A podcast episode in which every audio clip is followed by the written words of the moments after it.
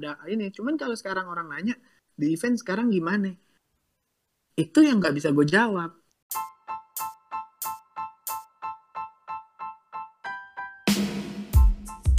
Selamat malam semuanya. Hari ini gue mau ngobrol bareng dewanya event anak muda di Jakarta. Yang kini mungkin lagi nestapa, nestapa gara-gara efek pandemi corona.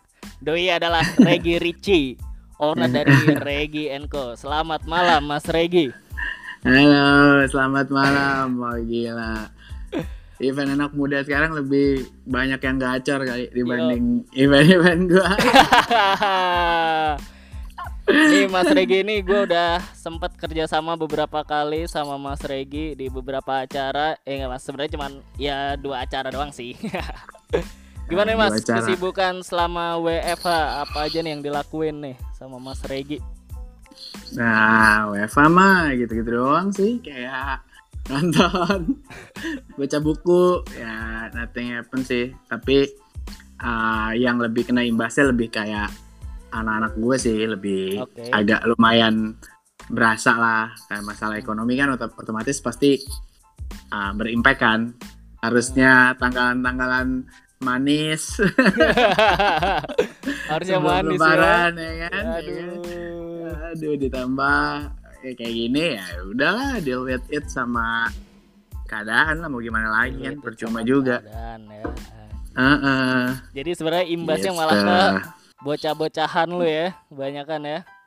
Iya sih, tapi sebenarnya kalau di Regienco sendiri eh, untungnya untungnya di Regienco sendiri kalau gue se- boleh cerita dikit. Jadi di Regienco sendiri tuh udah beberapa tahun belakangan ini eh, anak-anak sempet ngomong kayak wah ah, ah, heavy banget nih jadwal kita nih gitu. Jadwalnya emang heavy banget kan. Terus kayak ah, gimana ya biar kita bisa ah, memilah-milih uh, job gitu tanpa kita akan kekurangan pemasukan sebenarnya kayak gitu tuh Oke, itu tuh, oke. tuh tuh udah udah udah uh, berapa tahun belakangan lah terutama Hmm, sempet ada merosotnya Dragenco karena gue salah berpartner waktu itu terus Oke. uh, dari situ gue mikir kan oh ya udah karena emang Regenco basicnya company gue itu uh, gue bikinnya secara keluargaan banget gitu Mhm. maksudnya nggak yang emang uh, as a company banget di situ anak-anak setuju tuh kayak gimana kalau kita gue akhirnya bikin program namanya kayak lo uh, boleh uh, punya bisnis lain. Kalau lo nggak punya modal intinya tuh anak Regenco tuh lo punya bisnis lain tapi kalau lo nggak punya modal lo akan didanain sama Regenco nah Oh, dari iya. setiap keuntungan-keuntungan event tuh gue cut off dikit cut off dikit cut off dikit. Jadi masing-masing mereka pada punya oh si A punya ini punya ini punya ini gitu sih sebenarnya emang dari beberapa tahun terakhir kita masing-masing udah membentengi diri dengan Oh, dengan Intinya sih- modal-modal itu ya. Ah, ah, jadi pas oke. wah, pas kayak kayak gini sebenarnya ah, secara event kita berpengaruh banget kan penghasilan tapi Hmm. tapi dari program yang itu sih untungnya menyelamatkan kita lah Menyelamatkan dari yang kita ya. Ah, ah, Oke. menyelamatkan anak-anak tuh jadi mereka udah punya tetap punya kesibukan lain punya tetap ah, sumber penghasilan lain. Dan menurut gue ah, kalau lo berjalan di dunia bisnis event ya maksud gue kan banyak banget tuh eh, apa ah, banyak banget lah. Salah pandemi ini salah satu contohnya nih tapi menurut gue banyak banget lah eh, aspek-aspeknya yang memungkinkan lo nggak bisa uh, terus-terusan kayak menjadikan ini pionir pertama lo gitu lo harus punya side dish yang emang bener-bener karena kalau nggak gini setiap event kalau buat gue Mm. Oh, iya. kalau buat gue tuh karena kalau misalnya lo setiap uh, lo emang nih mata pencarian utama misalnya gitu ya kan Mm-mm. tapi eh, saat lo di posisi BU agak butuh uang nih ya kan nah mau event-event yang lo nggak suka pun akan lo takis sebenarnya nah jadi tuh dari situ tuh sebenarnya muncullah pemikiran kayak ya udah kita akan gue ngasih lo nih uh, bisnis lain di luar event tapi main main bisnisnya tetap event gitu. Tapi lo akan ada bisnis bisnis lain. Jadi lo nggak perlu misalnya kayak oh nih kayaknya uh, kliennya kurang enak nih gitu. Gue nggak ada keharusan untuk ngambil event itu gitu Iya, sih sebenarnya. Menjaga sedikit menjaga apa ya menjaga mood aja sih. Kan kayak kalau misalnya lo BU kan mau enak nggak enak kliennya mau proyeknya kurang enak apa segala macam lo takis takisin aja kan sama lo butuh duit gitu. Oh, tapi pas udah dua tahun dan itu sebenarnya berasa banget pas pandemi ini gue event terakhir kapan ya? Februari Februari ya kayaknya. Hmm. Februari itu terakhir Februari sebelum itu kayaknya ada. Habis itu pandemi event-event gue yang paling deket pengen di cancel tuh pop up kan kemarin pop up Iya. market terus kayak di postpone dulu di luar di luar market kan ada beberapa event juga yang emang di postpone waktu itu hmm, Terus kayak wah kita sih pada yang wah gila nih gini nih tapi ya mau gimana lagi juga ya kan. Ya. dan untungnya gue belum produksi tuh Untungnya belum produksi. ini Oke. belum produksi sih waktu itu Nah, Oke. Mas Regi, sebelum kita masuk lebih jauh, Hmm? tahu dong sebenarnya Regi Enko nih apa sih kayak gitu? Apa sih Regi Enko tuh? oh ya lupa ya ini jadi uh, Regi Enco itu basicnya uh, bergerak dalam tiga bidang itu consulting event, production event, production, dan design event. design event. Oke. Ya, jadi uh, emang ada tiga sub bidang emang yang kita jalanin sih.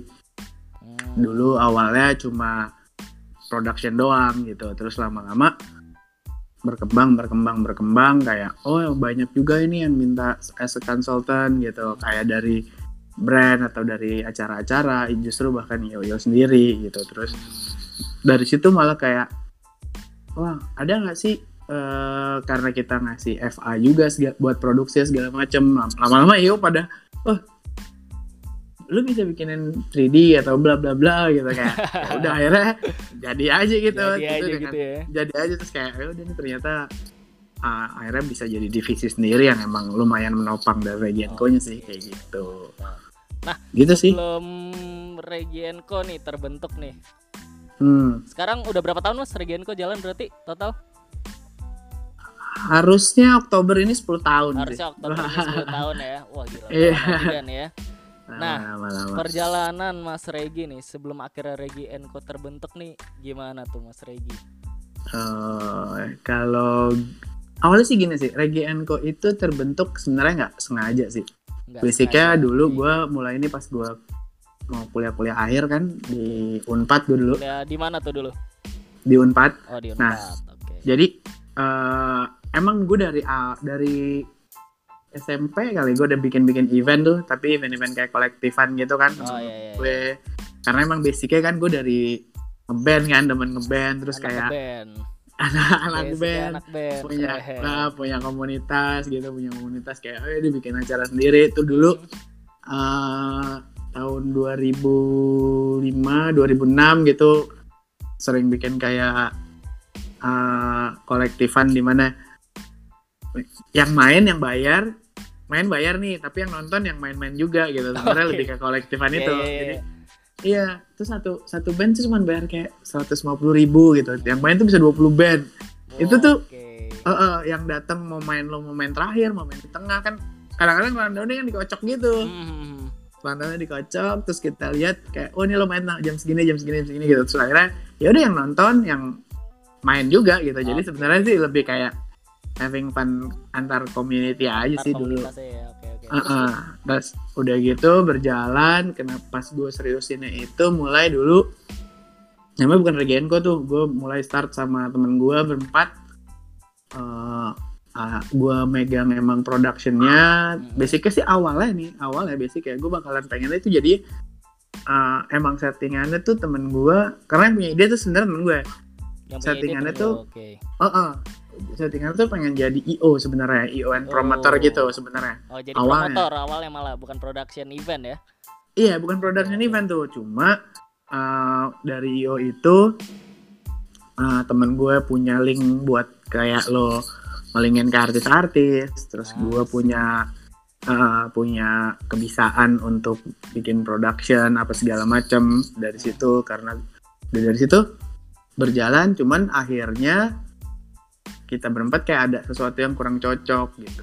Oke. Nah awalnya tuh gue ngambil dulu eventnya tuh lebih ke musik event gitu karena basicnya kan gue emang dari musik kan maksudnya Iya. kayak dari anak band gitu Ah, terus gue ngambil pensi nah pensi itu gue punya dari pas gue ngeliat ngerjain pensi pensi gue ngeliatnya punya wah ini menurut gue menurut gue saat itu kayak wah ini kayaknya pensi itu sebenarnya uh, potensinya besar banget tapi uh, banyak salah pemahaman tentang uh, event dalam sebuah pensi dulu tuh gue mikirnya banyak Pemahamannya kan- pemahaman dalam event iya pensi. Ah, Oke. con- Gimana tuh? Contohnya misalnya gini, uh, dulu anak-anak pensi ya pasti anak-anak SMA kan yang bikin mostly kan, Mhm. anak-anak SMA.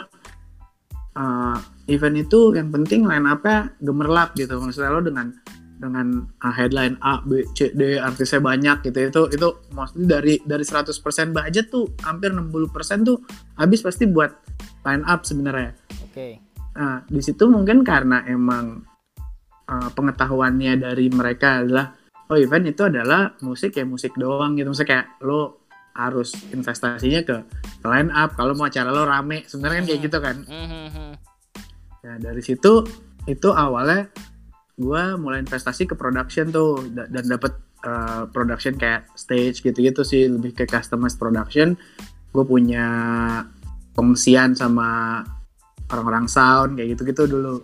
Nah terus, Oke. Mm-mm. lanjut, lanjut. terus uh, pas gua ngerjain pensi tuh kok uh, dengan pensi yang besar gitu ya, misalnya kayak beberapa pensi yang gue gua kerjasamain besar, itu pemahamannya mereka emang event ya udah lo artisnya harus bagus, ya, itu bener artisnya harus Hmm. bagus gitu. Cuma dari situ, oh nih ini harus di edukasi nih menurut gue waktu itu kan Oke. Kayak ini anak-anak ini harus diedukasi nih diedukasi kalau event musik itu nggak sekedar lo line up bagus waktu itu terus akhirnya gue mulai jadi consulting eventnya mereka kayak eh, apa mereka jadi klien-klien gue bukan cuma secara production tapi mereka juga lebih jadi kayak eh, mereka minta di inilah dikasih konsultasi misalnya event tuh kayak gimana sih uh, Hmm. konteksnya misalnya kayak apa bener gak sih gue bikin kayak gini kayak gitu gitu sih Mhm. dan yang gue lakuin tuh cuma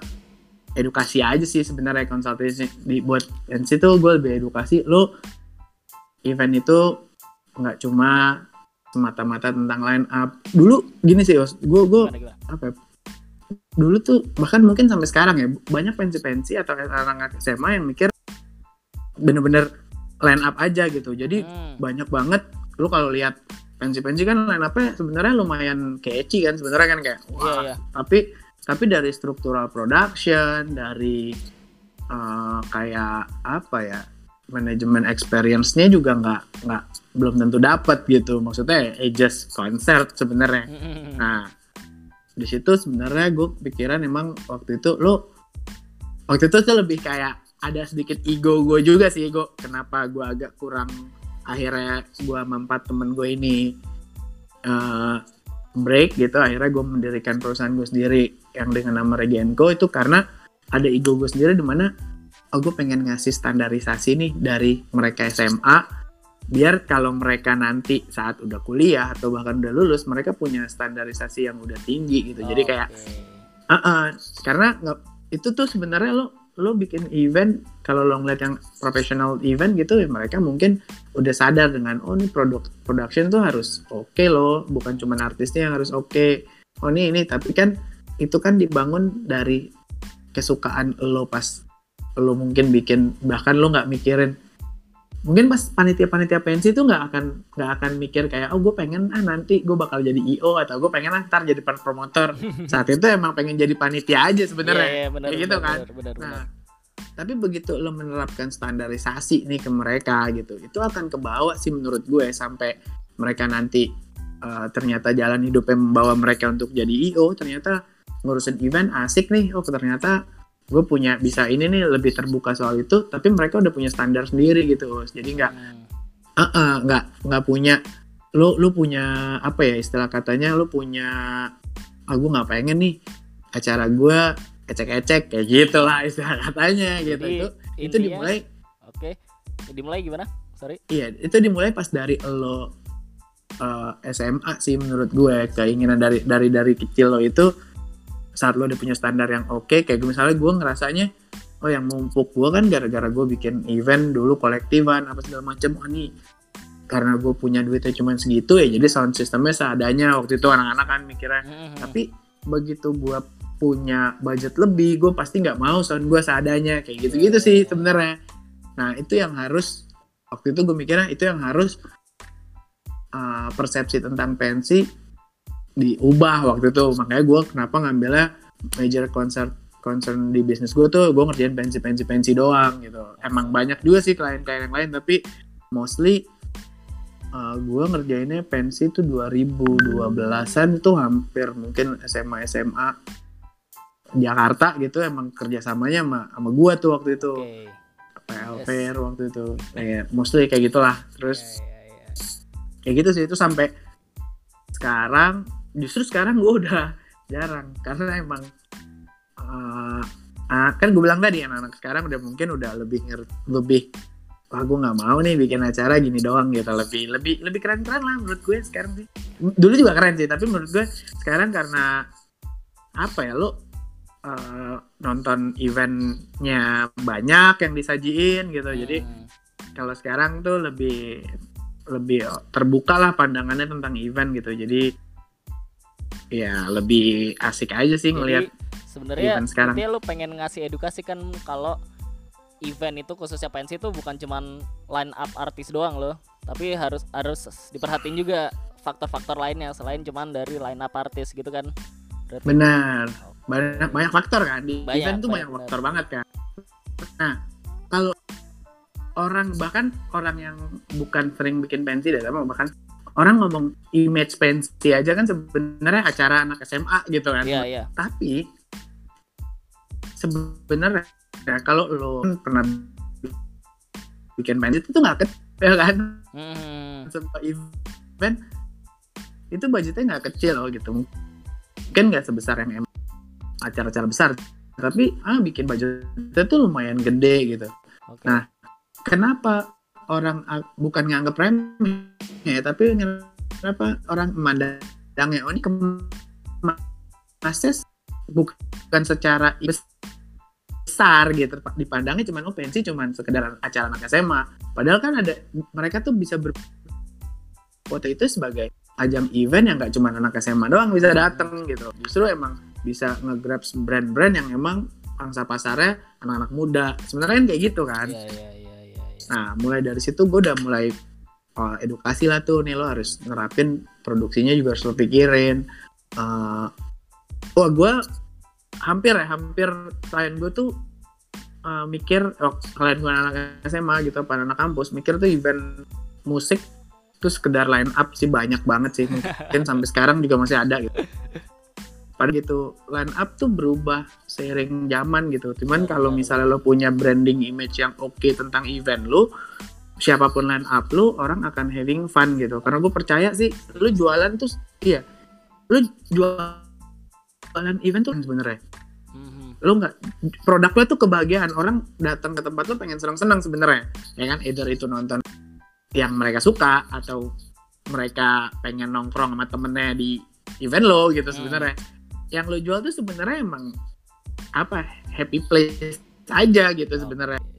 Tapi mostly orang tuh ingetnya oh ini konser ya udah lo nonton artis gitu. Atau enggak uh, mau itu pensi atau apa acara anak uh, muda tuh mikir gue datang ke acara A ya gue mau nonton artisnya gitu. Hmm. ya dari satu sisi ya benar gitu. Tapi yang menimbulkan gue sih selalu percaya yang akan menimbulkan kesannya tuh kalau lo orientasi sama line ups yang akan menimbulkan kesannya orang datang ke event lo tuh cuma artisnya gitu. Jadi kalau artisnya nggak mereka suka, mereka nggak akan datang ke tempat lo.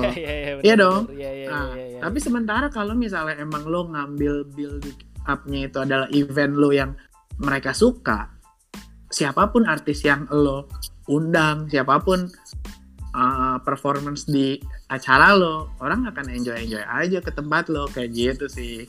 Oke, sabi sabi sabi. Nah, nih Mas Regi kan lo ngambil sebagai akhirnya memutuskan uh, sebagai production event, consulting event kan.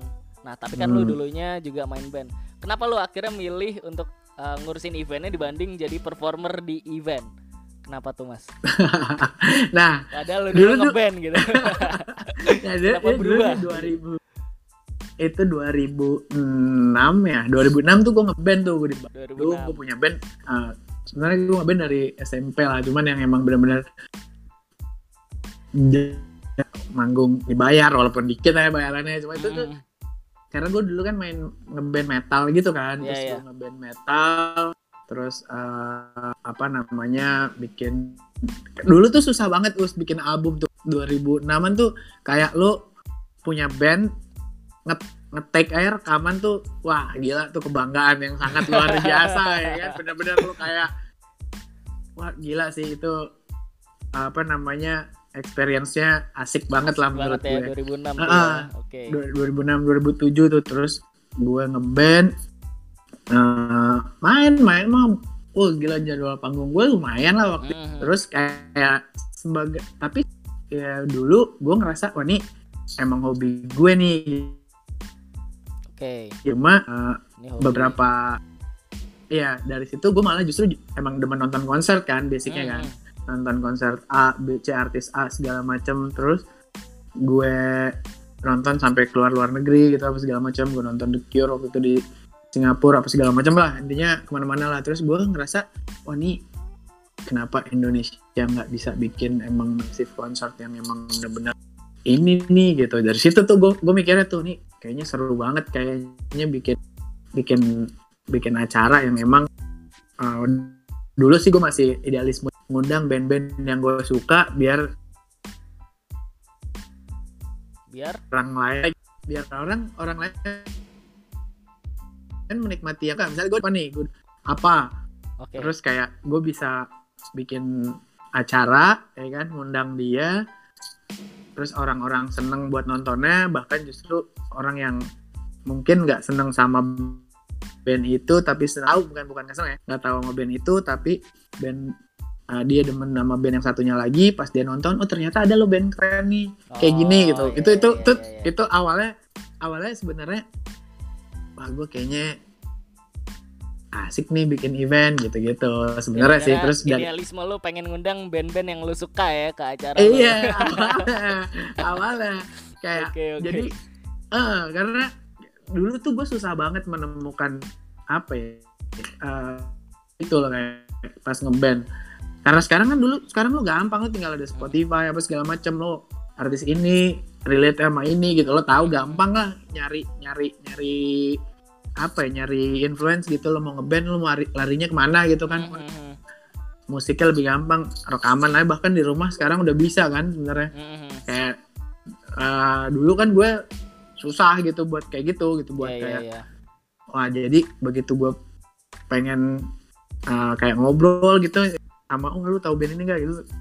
Belum tentu semuanya tahu kayak gitu gitu kan padahal tuh menurut "Anjing, ini band keren banget nih gitu terus eh either itu lokal mau internasional gue menurut gue emang ada beberapa emang yang harus di kayak wah ini tuh ada lo band keren kayak band keren kayak gini gitu lo lo Mhm. Tapi nggak ke expose misalnya kayak gitu. Nah itu biasanya gue round up sama misalnya yang emang orang udah pada tahu datang terus biasanya gue masuk masukin band-band yang emang idealisme gue kayak gitu sih. Dulu awalnya gitu kayak oh, ini ada nih band keren nih misalnya apa segala macam gitu. Jadi orang oh ini ternyata orang jadi lebih tahu tentang musiknya mereka. Sebenarnya itu awal gue kenapa ngambil di event awalnya. Oke. terus ya di band waktu itu emang senang-senang aja sih jadi kayak aja, em- lebih ke Ah, hobi ya. Jadi itu lebih ke hobi sebenarnya hobi aja ya. Oke. Lu dulu posisinya Hmm. apaan tuh? Pas di band. gua keyboard vokal Ai, keren. tapi waktu pas ngeband metal sih vokal sih kan gak ada keyboardnya nah, terus nih Mas. Lu kan ketika di Regienko nih sering banget nih apa dalam satu waktu tuh lu nggak mungkin kayak cuman nanganin satu jenis event doang gitu. Nggak mungkin cuman satu klien kan sering kali. Pasti lu dalam waktu bersamaan ada beberapa klien juga. Nah gimana caranya lu maintain banyak event itu dalam satu waktu bos Regi? Nah kalau maintain sih sebenarnya tentang manajemen waktu lo sih. Gue bahkan pernah ada event dulu eh, emang satu hari gue punya megang 4 event. Sebenarnya itu kesalahan tuh buat gua dan anak-anak karena emang Satu itu hari klien satu hari empat event.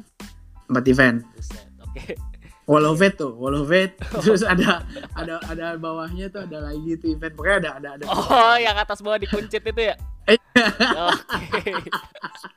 Oke, Iya. oke, oke, paham, eh, paham. eh, ya, bahkan pas pas eh, kita kerja sama pop up aja kan gue ada ngurus mugal juga terus ngurus Ah. pop up juga gitu kan ya. kayak Iya, iya. dari situ emang sebenarnya sih kalau untuk ada kadar tertentu eventnya misalnya kayak untuk oh nggak harus gua full time nih ya cuma produksian doang. Misalnya kayak mereka udah tahu harus buat apa bikin apa mereka biasanya tuh klien itu gua ambil. Tapi kalau misalnya yang kayak lebih banyak hal yang emang dari kliennya itu butuh konsultasi juga apa segala macam tuh biasanya gue batasin sih per per hari misalnya. Misalnya kayak ah ah. dan gue nggak menerima konsult konsultasi kalau misal klien konsultasi kalau eventnya mepet. Karena nggak bisa lo lo bikin sebuah event tuh mepet tuh menurut gue nggak bisa. Bukan nggak bisa sih sus- susah banget lah intinya kalau lo bikin mepet tuh. Walaupun lo punya sumber daya kayak itu uang lo banyak atau apa menurut gue eh, event tuh nggak sekedar tentang materi gitu. Lo ada banyak hal lagi gitu. Jadi menurut gue biasanya kalau mepet tuh gue cuma ngambil misalnya konsultasi oh ini mepet nih. Tapi kita udah punya uh, plannya gue cuman bingung di bagian ini bagian ini mungkin masih oke gue ambil. Tapi kalau misalnya kayak uh, bener-bener mepet terus uh, mereka juga nggak tahu harus ngapain gitu. Iya bener-bener ada yang kayak gitu banyak loh. Oke, oke. misalnya kayak eh wah gue gue harus ngapain gue harus ngapain gitu masih belum. Itu biasanya gue enggak sih karena itu akan apa ya akan merusak brand gue juga pasti gitu kan kalau acara itu gagal Iya, sebenarnya. Iya, iya, iya. Kayak gitu-gitu sih Nah. terus Oke, terus Oh. terus gimana? mm, kalau untuk waktu ya usai kalau untuk waktu ya tadi gue bilang satu hari tuh biasanya gue eh, maksimalin dua atau tiga event gitu gue nggak mau lebih dari itu makanya kalau misalnya tiga wah eh di atas tiga tuh udah udah pasti gue keteteran banget satu terus kalau dalam waktu sebulan tuh biasanya gue batasin untuk event gede tuh dua atau tiga aja sih nggak nggak mau lebih dari itu. Karena prepare kan lama kan. Secara di productionnya tuh lama gitu. Jadi eh so bedanya mungkin gue jelasin dulu kali ya saya bedanya kalau misalnya lo vendor sound system eh, itu kan lo barangnya udah ready kan. Lo mau segede apa pun eventnya selama barang lo ready dan lo jadwalnya nggak bentrok lo bisa gitu ya kan? Hmm. Nah, karena barangnya udah tersedia, tinggal manpowernya aja. Nah, sementara kan di production gue kan lebih kayak customized production, either itu mau panggung yang customize atau nggak mau bikin decoration yang customize ya, itu kan butuh proses gitu kalau Iya, iya. di bidang gue. Heeh. Jadi, jadi gue juga nggak berani lah ngambil yang terlalu banyak. Makan gue kan ntar muntah kalau kata.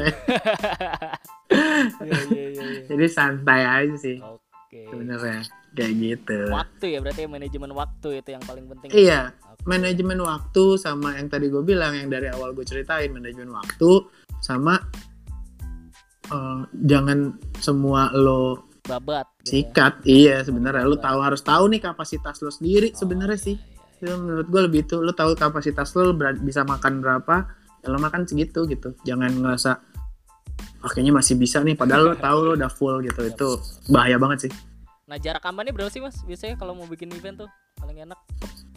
jarak aman apa nih dari Waktu, nol dari gitu Waktu, iya. Oh, setahun lah Setahun paling ya. pas iya sebenarnya Sebenarnya setahun ya. Cuman emang rata-rata banyak yang cuma berapa bulan juga udah maksa bikin Mm. eventnya kan. Iya, sebenarnya tergantung apa ya? Ter- Tergantung skala eventnya sih Tergantung kalau pertanyaan itu. Heeh.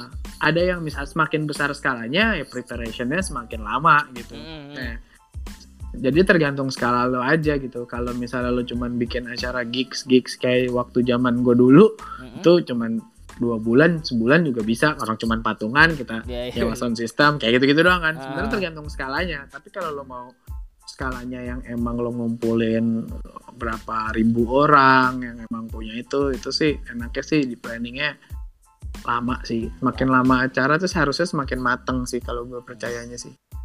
Ini ter- tergantung skalanya sih. Banyak juga semakin lama acaranya semakin mager orang bikinnya. Itu bisa bisa bisa terjadi sih. Ter tergantung tergantung ininya juga us. Itu banyak faktornya. Itu tergantung hmm. misalnya lo uh, emang uh, mau bikin acara itu buat apa gitu sebenarnya. Okay. uh, eh, kalau lo dalam hal biasanya kan kampus punya program acara jadi panitia atau enggak atau enggak swasta deh teman gue io gitu pengen hmm. bikin acara bazar misalnya hmm.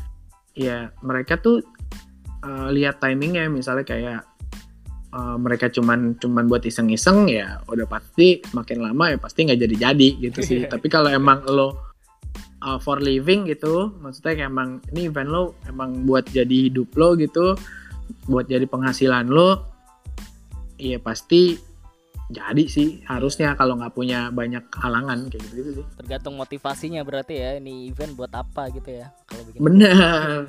kalau iseng-iseng doang iseng kelamaan ya, lama-lama ya. Iya. juga kan dilanjutin. Yeah. tapi kalau buat hidup mau gimana pun juga dijabanin di, gitu ya kan. di, dijalanin gitu. Paling lihat keadaan entah itu apa uh, memungkinkan gak sih bikin event di bulan ini kayak gitu-gitu. Ada juga kok yang planning. Gue kemarin punya klien. Dia mau bikin acara besar. Gue nggak bisa sebut ya namanya. Oke. Okay. Dia mau bikin acara besar itu di bulan Februari kemarin harusnya. Mm. Uh, gede banget, ada band luar banyak gitu. Itu, itu gede banget eventnya. Tapi dan it for living gitu. Cuma okay uh, progresnya menurut gue tuh slow banget untuk acara sebesar itu gitu dan okay. dia tuh ketemu sama gue tuh jauh-jauh hari loh setahun sebelum setahun kurang lah hmm. sembilan bulanan sebelum acara itu hmm. terus mereka nawarin mau kerja sama gue masih wah ini kayaknya masih gue lihat dulu deh progresnya kita jalannya bareng dulu terus uh, tapi progresnya tuh tuh slow gitu kayak okay. lo nggak nggak nggak apa ya percuma juga kan sebenarnya lama tapi jalan lo lambat gitu benar benar benar benar, uh, atau enggak uh, laju lo cepet tapi berhenti tapi ntar cepet lagi gitu. Kan yang paling pas kan lo konstan lo tahu apa yang harus lo lakuin. Lo plak plak plak plak plak pasti akhirnya jadi lebih bagus dibanding yang lo lari cepet terus habis itu berhenti terus lari cepet lagi yeah, terus habis yeah, berhenti. yeah, itu yeah, yeah, yeah. gue sih lebih suka yang lihat yang progresnya tuh konstan yang lo udah sampai mana lo udah sampai mana lo udah sampai achievement lo udah sampai mana nih plan lo udah sampai mana. Itu gue lebih suka ngeliat event yang emang udah preparationnya lebih konstan kayak gitu gitu. Okay. lebih chance buat jadi eventnya lebih besar sebenarnya. Kalau lo dengan lo ngelakuinnya dengan konstan sebenarnya. Terus akhirnya eventnya nggak jadi gitu. Aduh. mereka udah announcing segala macem terus eventnya nggak jadi. Karena menurut gue progresnya terlalu lama untuk event sebesar itu gitu sih. Hmm, jadi nggak boleh kelamaan tapi jangan kecepetan juga ya berarti jangka iya. waktunya sebenarnya uh -uh, intinya kan balik lagi lo tahu yang lo harus tahu dulu apa yang harus lo lakuin lo bikin schedulingnya yang oke okay, yang pas lo udah tahu target lo yang mana. Karena kan di event kan banyak banget perubahan us. Iya, selalu iya, uh, tanggal sekian udah tahu nih udah prepare tahun depan tanggal sekian di lagi bulan puasa gitu. Kan kita nggak tahu bulan puasa kan tanggal berapa. Mundurin banyak faktornya gitu. Menurut gue hmm. banyak banget faktor di event. Semakin lo bersiap kan faktor-faktor yang nggak kepikiran jadi bisa apa ya bisa lo handle gitu ya, sih ya, sebenarnya. benar-benar setuju setuju sih. Mm -mm. nah terus nih apa mas Regi nih. Uh, lu kan berarti kan sering banget nih uh, berhubungan dengan klien maupun calon klien gitu dengan prospek gitu ya kan? Mm. nah, gimana sih cara lo buat membuat orang yakin dengan produk lu nih dengan Regi Enko gimana cara lu bikin yakin? Karena dulu gua dua kali pernah kerja sama sama Mas Regi ini pertama kali gua ketemu gua langsung yakin sama Doi. Makanya gua di acara kedua juga kerja sama lagi nih sama Doi nih. Nah gimana tuh strategi lu biar bisa orang yak bikin orang yakin dengan uh, produk lu? Atau at least gimana cara orang yakin dengan produk kita masing-masing? Misalkan kita sebagai pebisnis kayak gitulah anggapannya. Hmm, kalau gue, menurut gue saat lo meeting kan lo represent brand lo ya. Okay. Saat lo ketemu orang gitu dalam dalam bisnis gue, ya, saat lo ketemu orang tuh lo represent brand lo gitu. Lo akan ngobrol ngobrol dulu sebenarnya sebelum masuk ke tahap lo uh, dealing atau presentasi apa segala macam lah itulah sebenarnya. Nah sebenarnya uh, kalau menurut gue uh, lo bisa justru Regenku tuh nggak pernah punya marketing sebenarnya us Oke. Oke. Instagramnya nggak jalan maksud gue bener-bener totally dari word of mouth aja gitu lo Oke. rekomendasiin ke orang orang rekomendasiin ke orang itu kan sebenarnya hal yang beban sekaligus berkah juga Hmm. buat di company gue Mhm. beban adalah lo harus memfulfill ekspektasi orang lo eh ya berkahnya lo nggak perlu jelasin panjang lebar kalau lo orang udah di lo udah orang udah tahu udah pernah ngelihat sampel dari apa yang udah lo kerjain sebenarnya lebih gampang gitu. Makanya Mhm. portofolio tuh penting banget. Dan kalau dari gue sendiri sih untuk bikin orang percaya sama gue adalah gue lebih ke ngobrolin bukan tentang eventnya atau tentang produk gue nya tapi tentang visi gue dulu nih Tentang kayak- visi lo. iya tentang visinya Regenco dulu gue gue misalnya gue kerjasama sama sebuah brand adalah kemarin kayak e-commerce gitu gue kerjasama mereka mau uh, ngadain pameran di apa namanya ngadain pameran di JFW itu ada sebuah brand. Mereka nggak tahu mau bikin apa apa segala macamnya. Terus gue lebih ke lebih ke ngobrol dulu sih sama mereka sebelum masuk ke apa yang mereka harus bikin gitu sih. Lebih kayak mengenal dulu klien gue tuh seperti apa gitu. Kalau lo udah mengenal klien lo seperti apa lo udah bisa tahu penetrasi berikutnya lo harus ngapain. Jadi gue biasanya sebelum meeting nih gue cari tahu dulu eh, tentang apa lawan bicara gue biasanya. Kayak misalnya gue presentasi ke perusahaan A gitu gue harus tahu dulu. Mhm. mereka tuh yang objektifnya apa sih untuk bikin acara ini? Misalnya untuk bikin pameran ini atau bikin eh, apa ya misalnya booth ini objektifnya apa sih? Apa sih yang mereka eh, pengen capai gitu? Dan dari situ lo udah bisa tahu tuh eh, lo udah bisa tahu tuh apa yang harus lo offer gitu sebenarnya.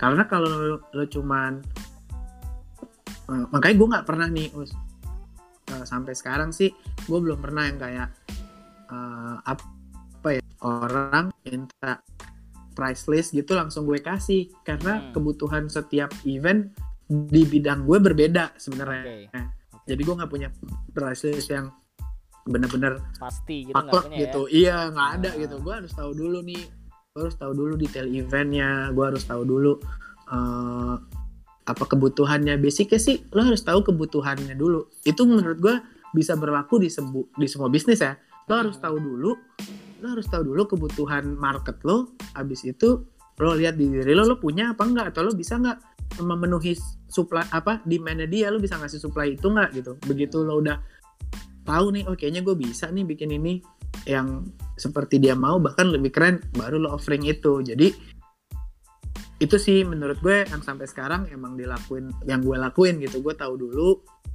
eh, market gue tuh pengennya apa setelah itu gue evaluasi diri gue gue bisa nggak kira-kira bikin itu gitu. Gue bisa nggak nge-fulfill eh, eh, kerjaan itu? Misalnya gue ngeras biasanya gue emang gue nggak nggak pernah takut atau nggak pernah mikir kayak wah sayang gue ntar nggak dapet uangnya atau enggak wah sayang nih eh, eventnya gede atau apa. Tapi gue lihat dulu di situ gue bisa apa enggak karena lo mau iklanin lo mau presentasi kayak apa pun ya. Hasil apa yang pernah lo bikin itu lebih nge-represent diri lo sebenarnya. Dibanding omongan lo doang gitu maksud gue. Gue pernah bikin ini orang udah ngeliat secara langsung oh dia pernah bekerja sama dengan ini udah pernah bikin ini hasilnya bagus. Dibanding lo cuman dateng lo- Ngomong. ngomong secara visi itu oke banget gitu. Lo lo lo, lo oke segala macam tapi namanya kita bekerja sama dan dalam bidang jasa ya kalau gue jatuhnya. Bidang jasa dan produk. Hmm. lo kan nggak bisa lihat produk gue us. Iya, lo mau iya, bikin apa? Lo mau bikin booth gitu. Lo cuman bisa lihat desain gue doang gitu. Iya, iya, iya. lo nggak nggak nggak bisa ngelihat produk gue eh, sebeneran gitu. Kalau lo jualan air mineral lo bisa bawa air mineral sama botolnya ya kan? Iya, ini iya. air, air gue lo minum. Enak deh. Itu lo bisa gitu. Tapi di bidang ini lo nggak bisa. Lo cuman datang presentasi eh, apa secara idea tapi bentuknya nggak ada gitu. Maksudnya wujud aslinya lo belum ada gitu. Dan baru kelihatan ada setelah eventnya sebenarnya gitu kan? Hmm. Iya nggak? Iya iya benar benar benar banget. bener lo nggak nggak nggak punya apa-apa gitu. Nah akhir ya udah di situ ya balik lagi. Track record lo itu sebenarnya lebih lebih nge-represent lo duluan sebelum presentasi lo sebenarnya. Makanya gue begitu ada event-event yang emang kurang tetap kurang banget nih gue nggak takut mundur sebenarnya Hmm. karena itu akan akan jadi lo kerjaan bagus diinget orang tuh belum tentu tapi kerjaan jelek semua orang pasti inget gitu Semua orang masih inget benar. benar. iya Kerjaan bagus belum tentu diinget. Yang jelek Iya. pasti diinget ya ya ya. ya, bener Berarti di Gitu bisnis sih. lu ini tuh portofolio tuh penting banget ya berarti di bisnis jenis lu. iya Oke. menurut gue hampir semua bisnis jasa ya menurut gue pribadi nih ini ini menurut gue pribadi dalam semua bisnis jasa yang lo nggak jual secara produk Hmm. misalnya kayak lo lawyer ya yang dilihat apa track record lo kan lo udah Ya, ya. gimana gitu nggak ya karena lo nggak bisa menunjukkan itemnya gitu ya kan Hmm. Dan menurut gue ya paling benar adalah lo mempupuk portfolio lo yang paling bagus yang paling banyak sebanyak banyaknya itu akan membangun brand image citra lo sendiri gitu. Dari dari situ kenapa gue kenapa gue lebih walaupun gue punya banyak eh, juga klien-klien yang di brand gitu atau enggak yang bukan anak-anak muda gitu ya. Hmm. tapi karena gue lebih sering juga dari awalnya gue mainnya sama anak-anak kelasan pensi, kampus atau enggak yang emang anak-anak muda word of mouth-nya portfolio gue gede di situ ya Hmm. jadi kenapa klien gue kebanyakan mereka sebenarnya Oke. seperti itu sih gitu. Oke. Terus Mas Regi nih, eh, Regi Enko kan udah berjalan nih 10 tahun ya Mas ya. Mm-mm. Nah, pasti ada dong eh, titik-titik terendahnya Regi Enko selama 10 tahun. Krisis-krisis pernah ada dong harusnya. Nah, gimana? ada sih Kapan sih Mas eh, titik terendah dan gimana dan ada nggak titik balik dari Regi Enko se- untuk melesat lebih kencang lagi gitu? Boleh cerita nggak? Eh, titik terendah sih ada sih itu eh, basicnya gini di bisnis gue tuh gue sangat merasakan paling susahnya dulu sebenarnya paling susahnya tuh eh, di bisnis gue tuh rentan banget sama SDM-nya sebenarnya Rentan sama Either SDM. itu. Oke. iya bener karena gini karena eh, balik lagi yang tadi gue bilang gue jualannya barang yang belum ada bentuknya kan jadi Hmm, gue harus hmm. memaintain SDM gue nih either itu nah kru atau segala macem itu itu eh, gue sempet kayak wah titik terendahnya gue udah mupuk kru gue udah eh, apa namanya udah bikin udah ada schedule lumayan panjang buat tiga bulan ke depan. Untuk kru gue kru gue semuanya dari atas sampai bawah. Kru gudang ya kru kru workshop ya. Dari atas sampai bawah cabut us gila. Wah gila. Itu karena gini bener nyari kru tuh gampang tapi lo nggak akan bisa punya standarisasi yang sama dong kalau lo Ah. gonta-ganti kru sebenarnya iya kan iya, benar benar benar. Hasil Nah, kerjaannya beda semua ya soalnya kalau pasti gitu beda ya. karena kan Iya. pekerjaan tangan tukang kan Hmm, nukang kan basicnya gue itu Hmm. jadi kayak eh, belum tentu hasil yang dibikin tukang A sama tukang B sama, Sama. gitu kan benar benar benar. mereka punya punya punya metodenya sendiri apa segala macam nah itu yang pas gue itu agak lumayan wah waktu itu sempat eh, keteteran banget parah lah waktu itu dan ada juga pas waktu intinya gue kerja sama sama sama orang dalam hal gudang itu eh, apa namanya eh, apa uangnya nggak jelas gelap ke mana Oke. terus akhirnya Nah titik baliknya pas gara-gara itu ya udahlah gue eh, bikin gudang sendiri aja yang emang lebih proper kayak gitu-gitu Hmm. sih. Ah, lebih ya, ya kayak hal-hal kayak gitu. Akhirnya titik baliknya dari situ gue udah nemuin formula yang tepat siapa krunya gimana sistem kerja gue ya. Dari situ ya udah tinggal otomatis aja jadinya udah berjalan aja gitu. Dan Oke. itu pun aja eh, dan itu pun aja nggak semua event lancar sebenarnya. Banyak banyak juga yang event-event yang wah nih banyak kendalanya gitu entah itu dari kliennya kesalahan gue nya yang uh, salah perhitungan ya kayak gitu-gitu sih sebenarnya sih. Ah, gitu. berarti eh, pas nanganin pop up yang lu harus bawa pulang kursi itu bukan masalah besar ya sebenarnya? Jadi dulu gue pernah eh, kerjasama sama Regi Co dan pas hari H loading buat acaranya waktu itu gua ngebangun kursi kursi apa ya waktu itu rek namanya? Nyebutnya? Kursi tribun. Tribun kursi tribun. Hari loading Eh. kagak muat kagak bisa diangkut ke atas kursi harus dibawa bedanya balik 2 lagi. senti ya. Bedanya 2 senti doang nggak bisa diangkut ke atas. Iya. harus dipulangin dipotong dulu. Besoknya baru dimasukin lagi. Dan itu Ah, gila itu sih. buat event itu benar-benar ngurangin waktu banget. Ya iya iya. Itu Cuman buat event 2 sih gila sih. anjir harus nambah Iya, satu hari gitu dua ya. senti. ampun gitu. masalahnya gara-gara 2 senti itu pengeluaran gue membengkak tuh. Harus bayar lagi ya kan? Bayar lagi transport ya nggak? bener bener. Kerja dari ulang Wah, gila sih. Padahal kita udah Makanya- udah deal di harga berapa ya waktu itu ya?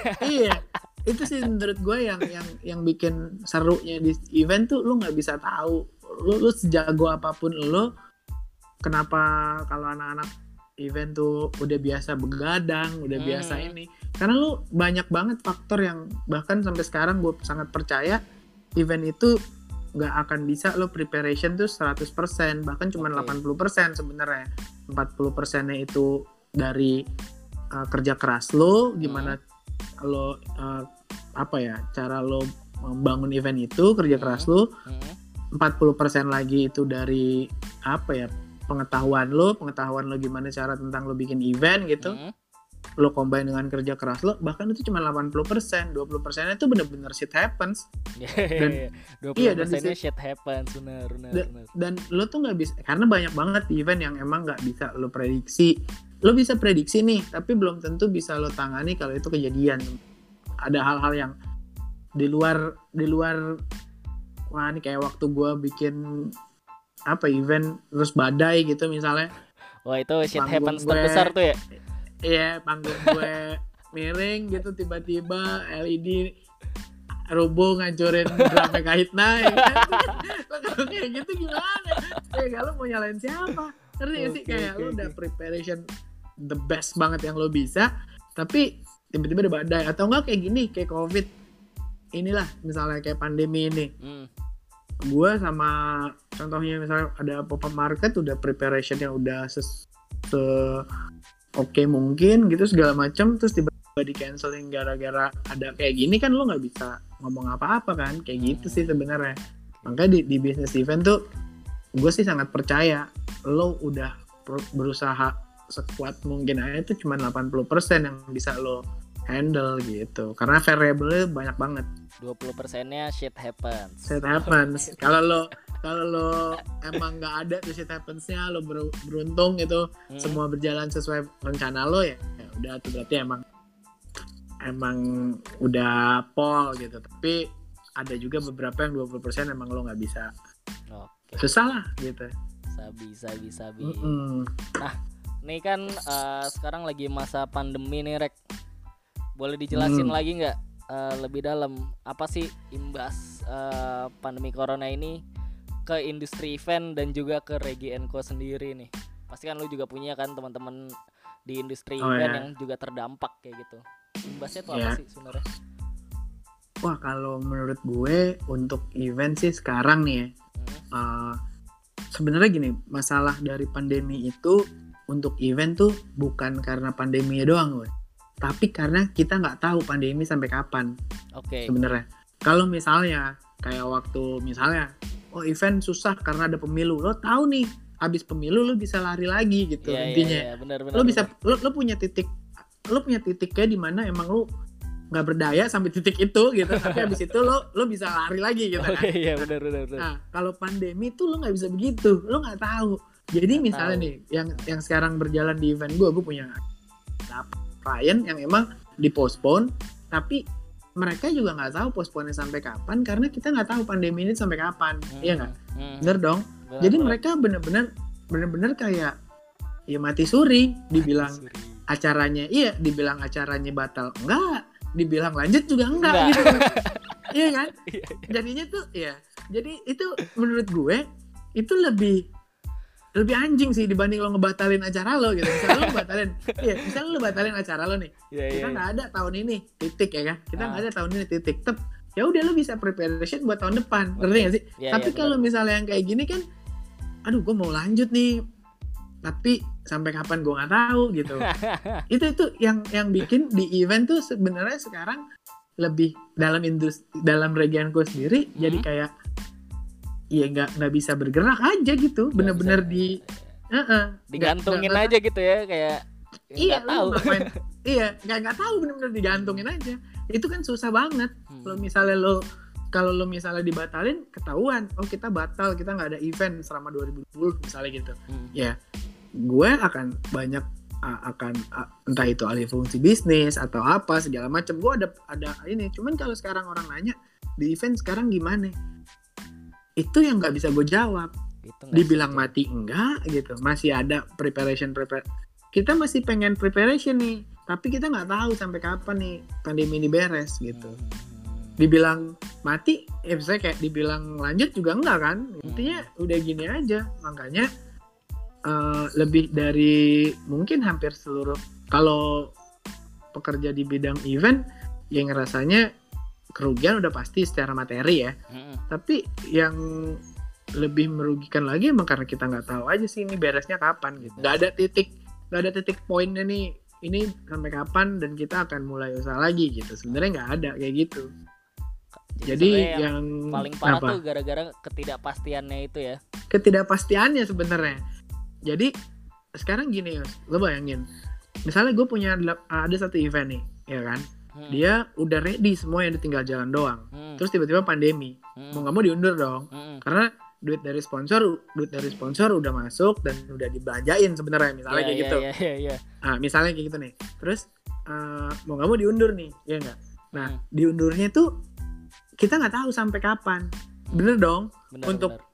Eh, di satu diundurnya nggak tahu sampai kapan tapi kan mereka akan tetap mau nggak mau harus kerja dalam artian kerja tuh harus bersiap gitu. Begitu pandemi beres mereka harus mulai jalan lagi gitu kan sebenarnya kan. Hmm. yang itu bahkan justru lebih lebih ngeselin dibanding emang yang emang baru pengen bikin event. Karena event itu udah jalan gitu udah Iya, tinggal iya, tinggal ready doang. Kayak gue gue udah gue udah ada beberapa DP masuk tapi gue bingung dong gue mau produksi kapan? Ya nggak? Lu lu juga nggak tahu gitu. Dan begitu misalnya nih begitu kalau di gue misalnya pandemi beres kapan lah entah kapan kita doain secepatnya ya.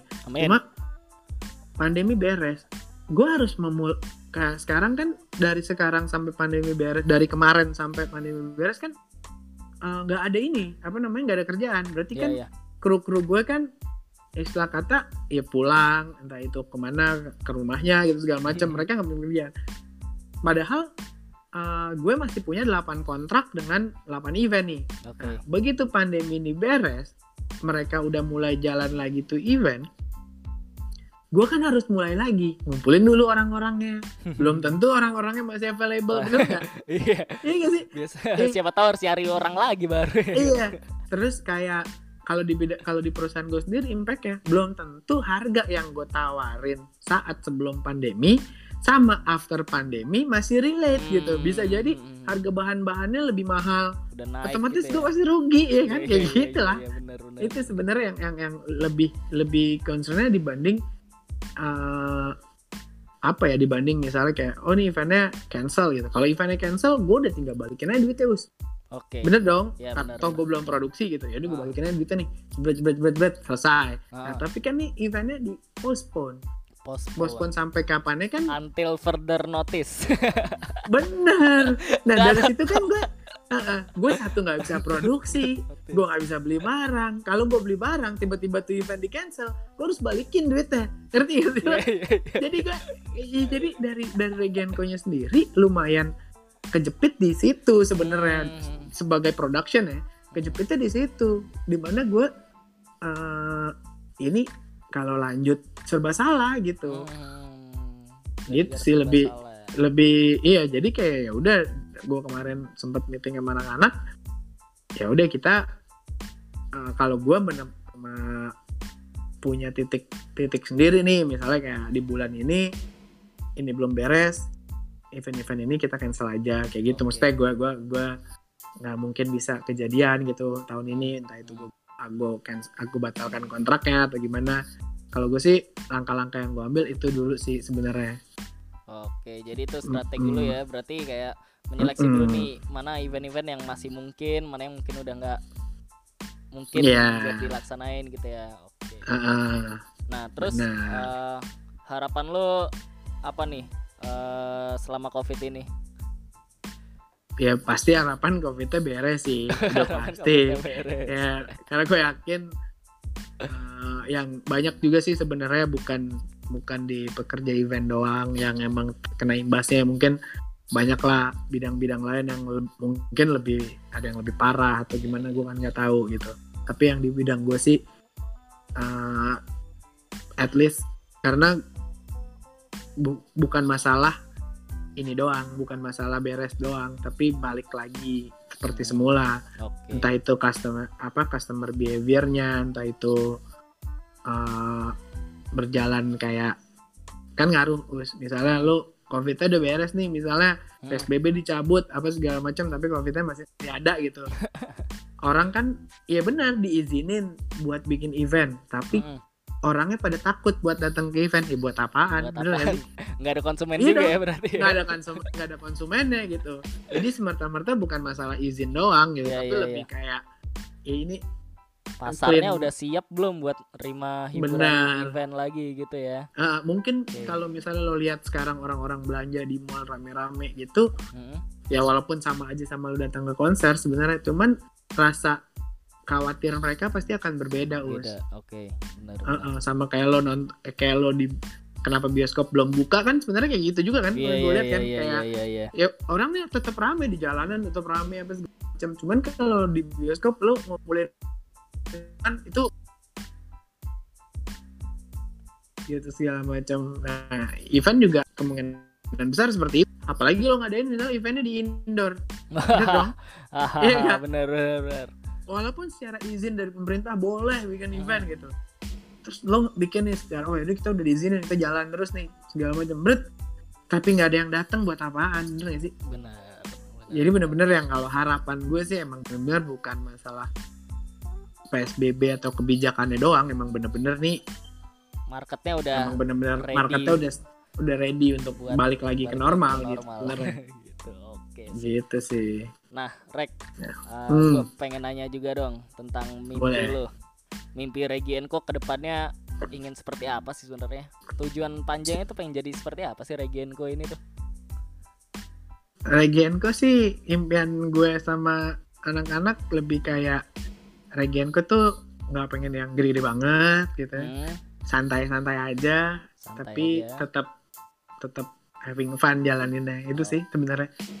Karena Regienko udah Oke. kayak ngeband sebenarnya. oh, kita having ambil- fun ya. Iya having fun aja gitu. Tapi lo tetap dapat duit di situ, lo tetap bisa dapat penghasilan yang yang yang yang bukan sekedar cuman penghasilan gitu. Emang bisa buat Semua- hidup gitu juga ya. Iya, penghasilan yang emang bisa menghargai hasil kerja lo sebenarnya. Nah, Oh ini gue worth it-nya dengan apa yang gue lakukan segini ya segini Hmm. gitu. Tapi tetap ngejalaninnya dengan having fun gitu tanpa Hmm. ada pressure, tanpa pressure udah pasti ada maksudnya tanpa ada ngedumel kayak aduh nih kliennya A B C D gitu itu. Gue sih ke depannya Regienko emang harapan buat Regienko sih tetap jadi perusahaan senang-senang aja. perusahaan Gitu. senang-senang. Oke, berarti harapan Regienko adalah tetap menjadi perusahaan Ya, senang-senang aja senang-senang gitu. yang have fun lah ya pokoknya Fun. environmentnya. sama klien ya sama klien jadi teman Oke. nongkrong bareng jadi kan punya teman banyak juga di mana-mana tuh seru Ya kayak gua malu gitu lah sih. ya. Klien jadi temen lah ya. Ya, bisa mabok bareng Bisa mabok bareng. Ya, lebih kayak perusahaan senang-senang aja Bener, gitu. orang oke, kita jualnya juga produknya kesenangan kan Betul. maksudnya ya udahlah kenapa nggak Ya, ya. kenapa di take seriously banget gitu maksudnya secara kerjaan di take seriously banget tapi secara apa ya namanya perlakuan kita pengennya lebih kayak having fun aja sih kalau udah sendiri Oke, mantap. gitu Nih kita udah Hmm. ngobrol udah sejam nih Rek nih, nggak terasa nih Rek. Oh gila Terakhir nih Rek. Lu sekarang umur berapa Rek? 31. 31. Anggaplah Rek, Hmm. lu bisa balik ke eh, bukan balik, Deng. Lu bertemu dengan diri lu di umur 20 tahun nih, Rek. Hmm. Ya kan lu sekarang umur 30 lu ketemu diri lu di umur 20 tahun. Apa sih advice terbaik yang bisa lu kasih ke diri lu itu ke di umur 20 tahun kayak gitu. Anggaplah audiens lu nih rata-rata adalah orang-orang 20 tahun juga dan lu ngeliat lu sebagai lu umur 20 tahun. Apa advice terbaik buat dia? Seneng-seneng aja sih. Seneng-seneng aja. Eh, seneng-seneng aja. Maksud gue, gue pasti saat gue misalnya nih gue balik take back ke umur itu, gue akan ngelakuin, gue akan bilang kayak, lo seneng-seneng aja, lakuin kesalahan-kesalahan goblok yang bakalan bikin lo lebih jago dari sekarang kayak gitu. Seneng-seneng aja. Jangan takut buat salah gitu ya, berarti lakuin kesalahan goblok tuh maksudnya. Iya, maksudnya kayak ya coba-coba aja yang emang walaupun apa, walaupun lo salah gitu nantinya gitu maksudnya kayak ya udah lakuin aja seneng-seneng aja kalau lo seneng-seneng aja walaupun lo salah lo akan having fun aja Oke. menurut gue seneng-seneng aja sih Mantap. Senang-senang, Iya. having fun pokoknya lah ya Mas Regi tuh Having fun senang aja. untuk senang-senang. seneng-seneng aja santai Oke, gitu. siap. Heeh. Oke, teman-teman, tentu kita semua juga berharap ya agar pandemi corona ini tetap cepat berakhir dan industri hiburan dan event bisa bangkit kembali. Kita bisa nonton live konser lagi, nonton film lagi, datang ke bazar-bazar lagi dan Regi Enko bisa berkarya lagi ya enggak? amin amin Oke. amin amin amin amin Thank you banget Mas Regi Oke. udah mau sharing malam hari ini. Sama-sama. Semoga bermanfaat dan menginspirasi buat kita semua. Thank you. Amin. thank you